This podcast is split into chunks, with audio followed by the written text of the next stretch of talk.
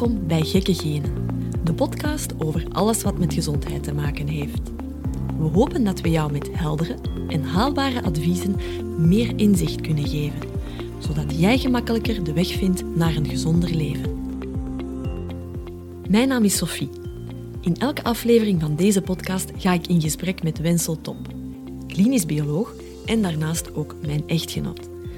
Door zijn opleiding in laboratoriumgeneeskunde en verdere specialisatie in leefstijlgeneeskunde heeft hij een hele brede medische kennis.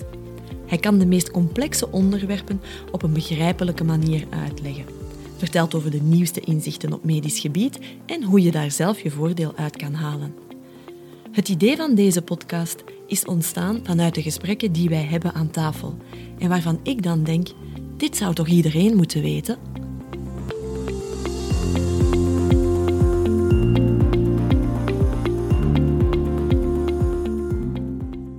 Podcast nummer 10, een andere kijk op depressie. Het leek ons interessant om eens een podcast te maken over dit probleem, aangezien het steeds groter wordt. Sinds de COVID-periode is het aantal depressies maar liefst met 30% toegenomen. Hoe komt dat?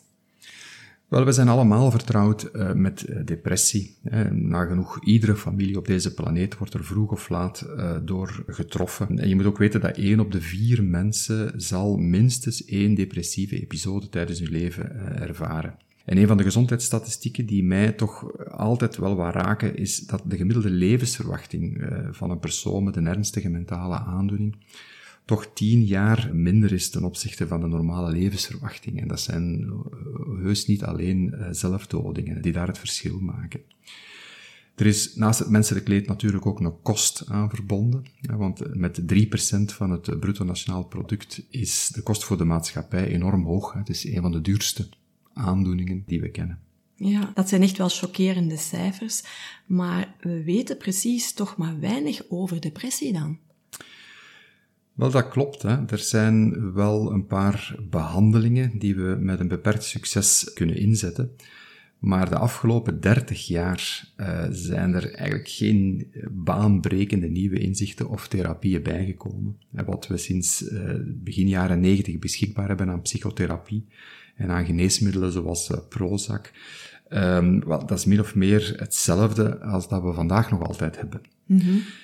En dat is duidelijk niet genoeg aangezien depressie goed op weg is om tegen 2030 eh, oorzaak nummer één voor invaliditeit te worden. Ja, het is een enorme uitdaging voor de volksgezondheid, maar ik kan mij voorstellen dat dat ook zo is voor zorgverleners. Wel, eigenlijk is het een enorme uitdaging voor zorgverleners.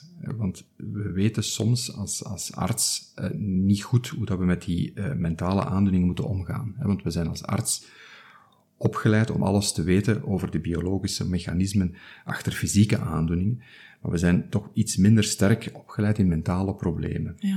En bij onze collega's, psychiaters en psychologen, is dat eigenlijk juist omgekeerd. Het is, het is precies alsof wij in twee aparte medische werelden actief zijn. De wereld van het lichaam en de wereld van de geest. En wat er fout loopt in het lichaam, heeft geen relatie met de geest en omgekeerd. Ja. Um, er wordt toch volop gebruik gemaakt van antidepressiva. Welke middelen zijn dat eigenlijk? Wel, om de werking van die fameuze SSRI's, hè, dus die, die antidepressiva, te kunnen eh, uitleggen, moeten we toch ook gaan kijken hoe dat onze hersenen in elkaar zitten. Wel, onze hersen, die, dat is eigenlijk een soort van een netwerk. Hè. Je moet dat vergelijken met jouw elektriciteitsnetwerk in jouw woning. Hè. Als je ergens op een knopje duwt, gaat er ergens anders een licht aan. En duw op een ander knopje is het een ander licht. Wel, dat is exact hetzelfde in je hersenen. Alleen zijn het geen elektriciteitsdraden, maar zijn het zenuwcellen of neuronen die connecties maken en die netwerken vormen. En die connecties, die maken ze door wat men noemt synapsen. Dat zijn een soort van zakjes waarmee de celuiteinde van de ene cel verbonden is met de andere. En dus in die zakjes gaat de ene cel eh, bepaalde eiwitten, die men neurotransmitters noemt, uitscheiden. En die gaat aan de andere kant van het zakje binden met de andere zenuwcel en op die manier het signaal doorgeven. Mm -hmm. De meest bekende uh, neurotransmitters zijn serotonine, dopamine, eh, gamma-aminobuterzuur, GABA. En hoe werkt een SSRI dan juist? Wel, die, die SSRI's, de, de basis daarvoor um, ligt bij de theorie dat depressie veroorzaakt wordt door een tekort aan serotonine, aan dat bepaald neurotransmitter in die zakjes, in die, de overdracht van signaal van de ene neuron naar de andere. En dus die SSRI's die gaan zelf um, ervoor zorgen dat de aanwezige serotonine dat die versterkt wordt. Wordt er dan extra serotonine aangemaakt ook? Nee, die SSRI's maken zelf geen nieuw serotonine aan. Die zorgen er gewoon voor dat het bestaande, het aanwezige serotonine, dat dat versterkt wordt omdat het minder snel afgevoerd wordt en afgebroken wordt. En dat is een belangrijke nuance, want dat wil dus zeggen dat er wel serotonine moet zijn. Als er geen serotonine is of heel weinig, dan gaan die SSRI's dus ook niet veel kunnen doen. Klopt, ja. Werken de SSRI's bij iedereen?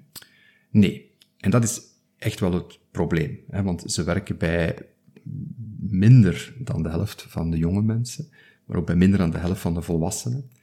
Je moet ze ook minstens eh, twee maanden nemen, alvorens dat je echt een effect begint te zien. En dat is eigenlijk ook wel vreemd, hè, want normaal gezien zou je verwachten dat je dat inneemt en dat het een onmiddellijk effect heeft op die serotonines. Dus daar is daar toch wel wat aan de hand met die fameuze serotonine-hypothese. En wat we moeten weten is dat tot op heden, dus dat men nooit heeft kunnen aantonen dat die serotonine-theorie als oorzaak van depressie, dat dat eigenlijk wel klopt. En waarom is dat? Wel, dat heeft uh, vooral te maken met het feit dat we geen biomarker hebben. En wat wil dat zeggen? We kunnen het niet meten. dus, en dat heeft alles te maken met de, de anatomie van het serotoninesysteem in de hersenen. Zijn maar een beperkt aantal neuronen die serotonine aanmaken, dat is heel weinig. En we kunnen die aanmaak van die serotonine gewoon niet meten in de hersenen. We kunnen dat ook niet meten in bloed of in urine. Um, dat heeft geen zin, daar is geen relatie met wat er in de hersenen gebeurt. En ook met de recente visualisatietechnieken zoals brainscans en, en MRI's, wel, die zijn gewoon niet gevoelig genoeg om dat te kunnen meten. Dus en zolang dat we dat niet kunnen meten, kunnen we dus echt ook niet aantonen dat serotonine, dat dat de oorzaak is van depressie. En dus tot op heden is dat nog altijd een discussie van de serotonine-believers en de serotonine-non-believers van, ja, is het nu een probleem of is het nu geen probleem van serotonine? Dat is altijd een discussie vandaag. Oké. Okay. Maar de conclusie die we nu toch wel stilletjes aan kunnen en moeten maken, en die ook de serotonine-believers uh, maken, is dat we zien dat bij depressie dat er zeker storingen zijn in het serotoninesysteem, maar het lijkt erop dat dat eerder een gevolg is dan de oorzaak. Dus het is de gevolg van iets anders dat blijkbaar fout loopt in het lichaam en depressie veroorzaakt. En dus we moeten twee vragen stellen. Eén, waarom werken die SSRI's uiteraard maar bij de helft van de mensen? Mm Wat gebeurt er dan bij de andere mensen? En twee, wat zou dan die echte oorzaak van depressie kunnen zijn? En weten we daar intussen al iets meer over?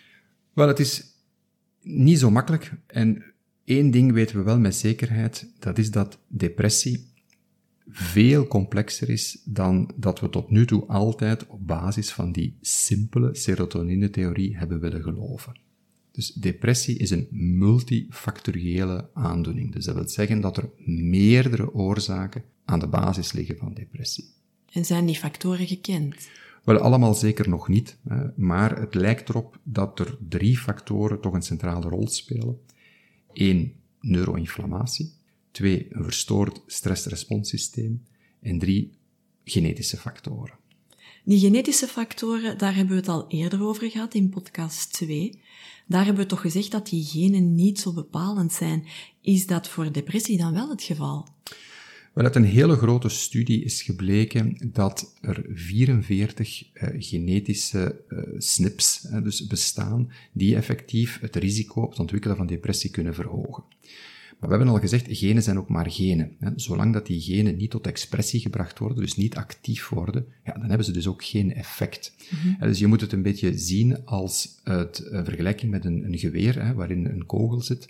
Wel, zolang je de trekker niet overhaalt, is er niet direct iets aan de hand. Wat haalt dan de trekker over? Wel, daar komen we dus bij de leefstijl uit. En dus het verband tussen leefstijl en depressie moet je hier dus gaan zoeken.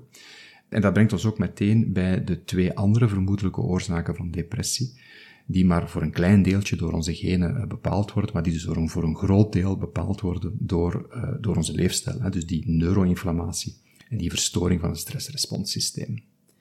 Laten we het dan eerst eens over neuroinflammatie hebben.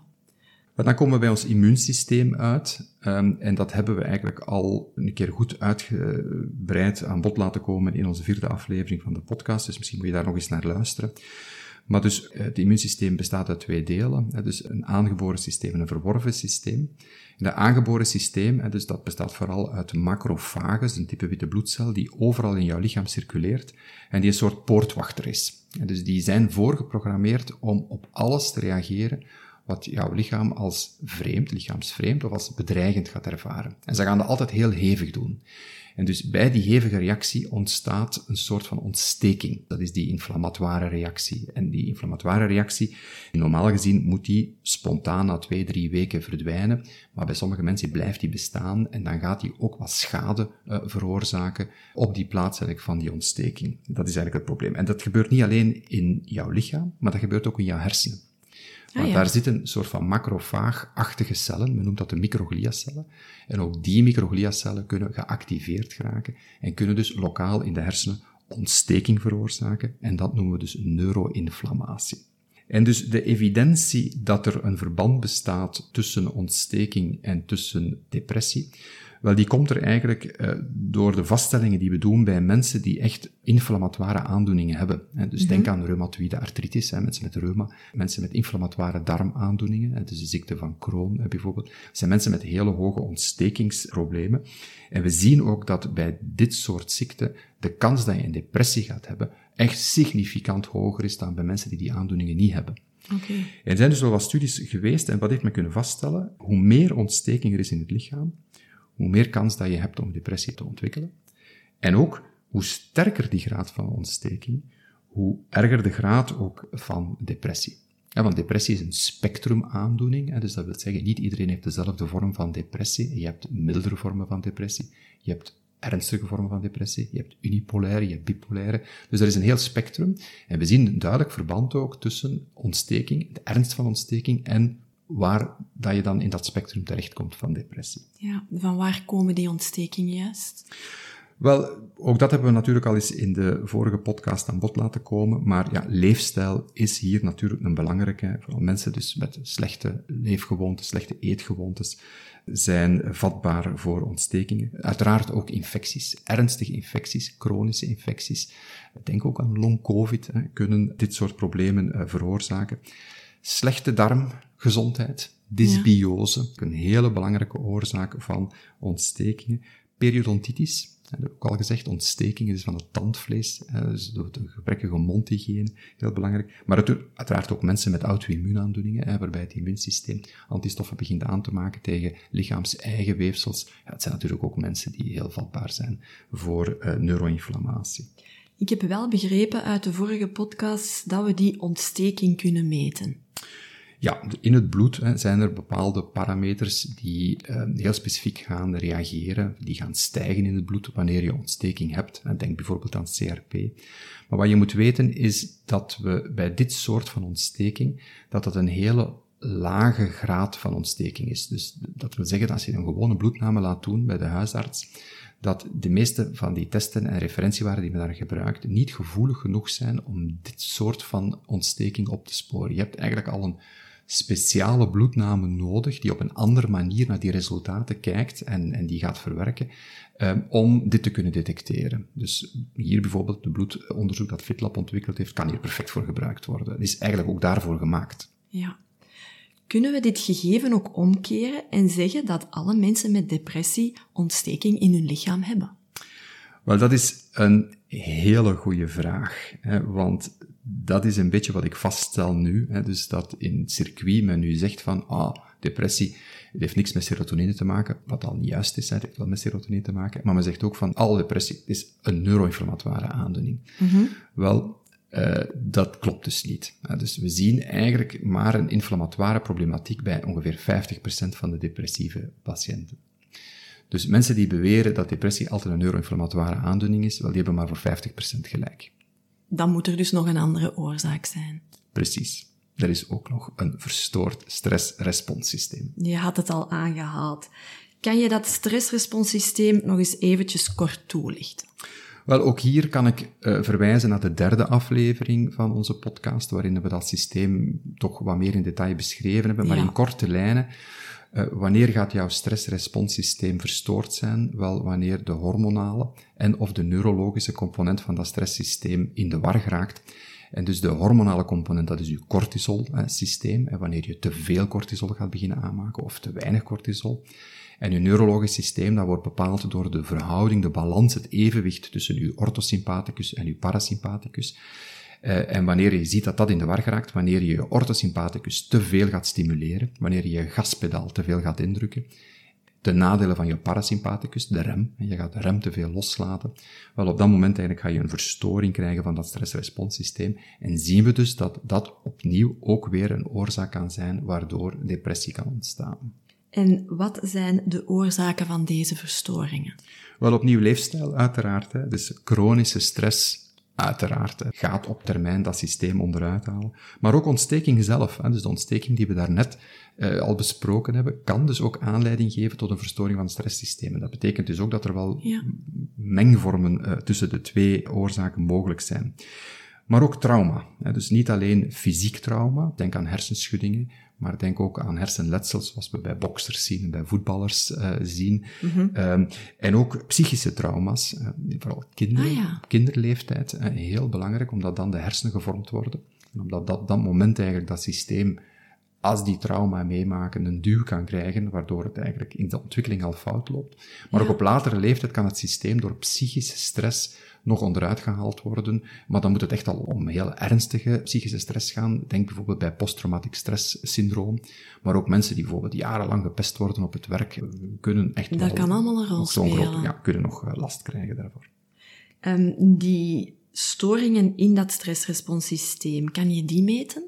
Wel, ook die kunnen we meten. Ook daarvoor heeft FITAP een hele goede test ontwikkeld en gevalideerd. Hè. Dus die cortisol-speekselprofiel kan daar perfect voor gebruikt worden voor de hormonale component. Wanneer je de neurologische component wilt meten, dus het balans tussen de orthosympathicus en de parasympathicus, wel, dat is iets moeilijker, maar er bestaan ook technieken voor. Bijvoorbeeld heart rate eh, variability kan je meten, maar het is iets moeilijker om te meten. Ja, dus als ik het goed begrepen heb, is er een genetische belasting, maar die gaat enkel doorkomen bij een slechte leefstijl. Hè, want leefstijl kan aanleiding geven tot neuroinflammatie of verstoring van het stressresponssysteem. Even samengevat. Ja? Dat klopt helemaal. Oké. Maar is er dan een verschil in depressie tussen die beide oorzaken? Opnieuw een hele verstandige vraag. Want beide oorzaken vertrekken inderdaad van hetzelfde klinische beeld, dat mensen echt wel vermoeid zijn, chronisch vermoeid zijn en zich ook alle, allebei algemeen slecht voelen. Maar toch is de rest van het klinisch beeld, dat uh, bepaald wordt door beide oorzaken, echt bijna 100% verschillend ten opzichte van elkaar. Ja, dus, ja, en dat maakt het wel interessant. Je hebt wat ik noem het type 1 depressie, dus dat is wat het stresstype is, dus wanneer een verstoring van het stressresponssysteem aan de basis ligt noem ik de typische vorm uh, van depressie. Het zijn mensen die geen eetlust hebben, of minder de eetlust hebben, vermagering vertonen, slecht slapen en zich ook melancholisch voelen. En dat is eigenlijk, ja... Een beetje, beetje de typische de, depressie zoals we die, die kennen. De mentale vorm van depressie. in elk geval. Ja, de mentale vorm van depressie.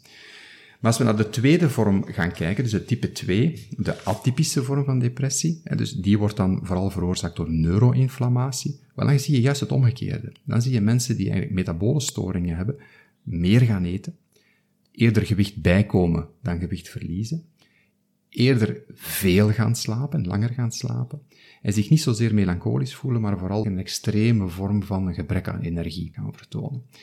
En dus dit noem ik de lichamelijke vorm van depressie. Het is eigenlijk hier het lichaam dat depressief is. Dus zelf mentaal kan je je misschien nog wel goed voelen, maar jouw lichaam is echt wel depressief. Zijn er ook mengvormen van? Ja, er zijn absoluut mengvormen van. Hè. Dus als je weet dat inflammatie kan leiden tot een verstoring van het stressresponssysteem en omgekeerd, ja, ga je natuurlijk zien hoe verder dat je in dat proces zit van een depressie, hoe meer kans dat je hebt dat je een mengvorm gaat hebben. Ja, oké. En kunnen we hierin misschien ook een verklaring vinden waarom SSRI's niet bij iedereen werken? Wel, ook dat is opnieuw interessant, want dat kunnen we effectief. Hè? Want we hebben al gezegd dat SSRI's die maken geen nieuw serotonine aan. Die zorgen gewoon voor dat het aanwezige serotonine versterkt wordt, omdat het minder snel afgevoerd wordt en afgebroken wordt. Dus er moet wel serotonine zijn. En wat zien we bij type 2 eh, depressie, dus bij de atypische vorm, bij de vorm die veroorzaakt wordt door neuroinflammatie? Wel dat die aanmaak van serotonine verstoord is. En hoe komt dat?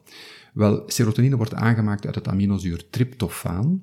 En er is nog een tweede pathway waar dat tryptofaan naartoe kan gaan, namelijk naar de aanmaak van quinonirine. En wat zien we dus bij die neuroinflammatie? Dat vooral tryptofaan naar die quinonirine pathway afgevoerd wordt. De precieze reden daarvoor weten we niet, ten nadele van serotonine. Dus er zal dus een stuk minder serotonine aangemaakt worden bij de neuroinflammatoire vorm, wat dus maakt dus dat, ja, als er niet veel serotonine is, kunnen die SSRI's ook niet veel doen. Want die kunnen alleen maar het aanwezige serotonine versterken. Als er niet veel is, kan je ook niet veel versterken. Dus vooral dus bij mensen die ontsteking vertonen, en dus waarbij neuroinflammatie aan de basis zou kunnen liggen bij depressie, zien we dus ook effectief dat de kans dat die SSRI's bij hen gaan werken duidelijk minder is dan bij het eerste type, bij het stressresponstype, waarbij dat, dat minder speelt. Um, dat zijn inzichten waar ik alleszins nog nooit eerder van gehoord heb. Uh, ik vermoed dat dat zeker een invloed zal hebben op de behandeling. Kunnen wij daar tips over geven? Wel, effectief. Um, de eerste tip die ik zou willen geven is zorg ervoor dat je de juiste oorzaak kent. En dat je het juiste fenotype kent, hè, bij een type 1 of een type 2.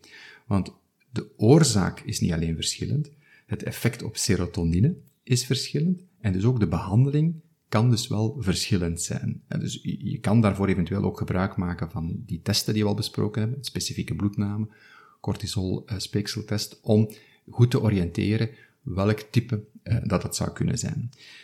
En dan podcast tip nummer twee, en dat is echt iets waar ik de nadruk wil op leggen. Welk type van depressie dat je ook hebt. En dat geldt trouwens niet alleen voor depressie, dat geldt voor alle neurologische aandoeningen. Het eerste wat je moet doen in een behandeling is kijken naar de leefstijl. Leefstijlaanpassingen komen altijd op de eerste plaats voor welke andere medicatie of supplement of therapie dat je ook instelt.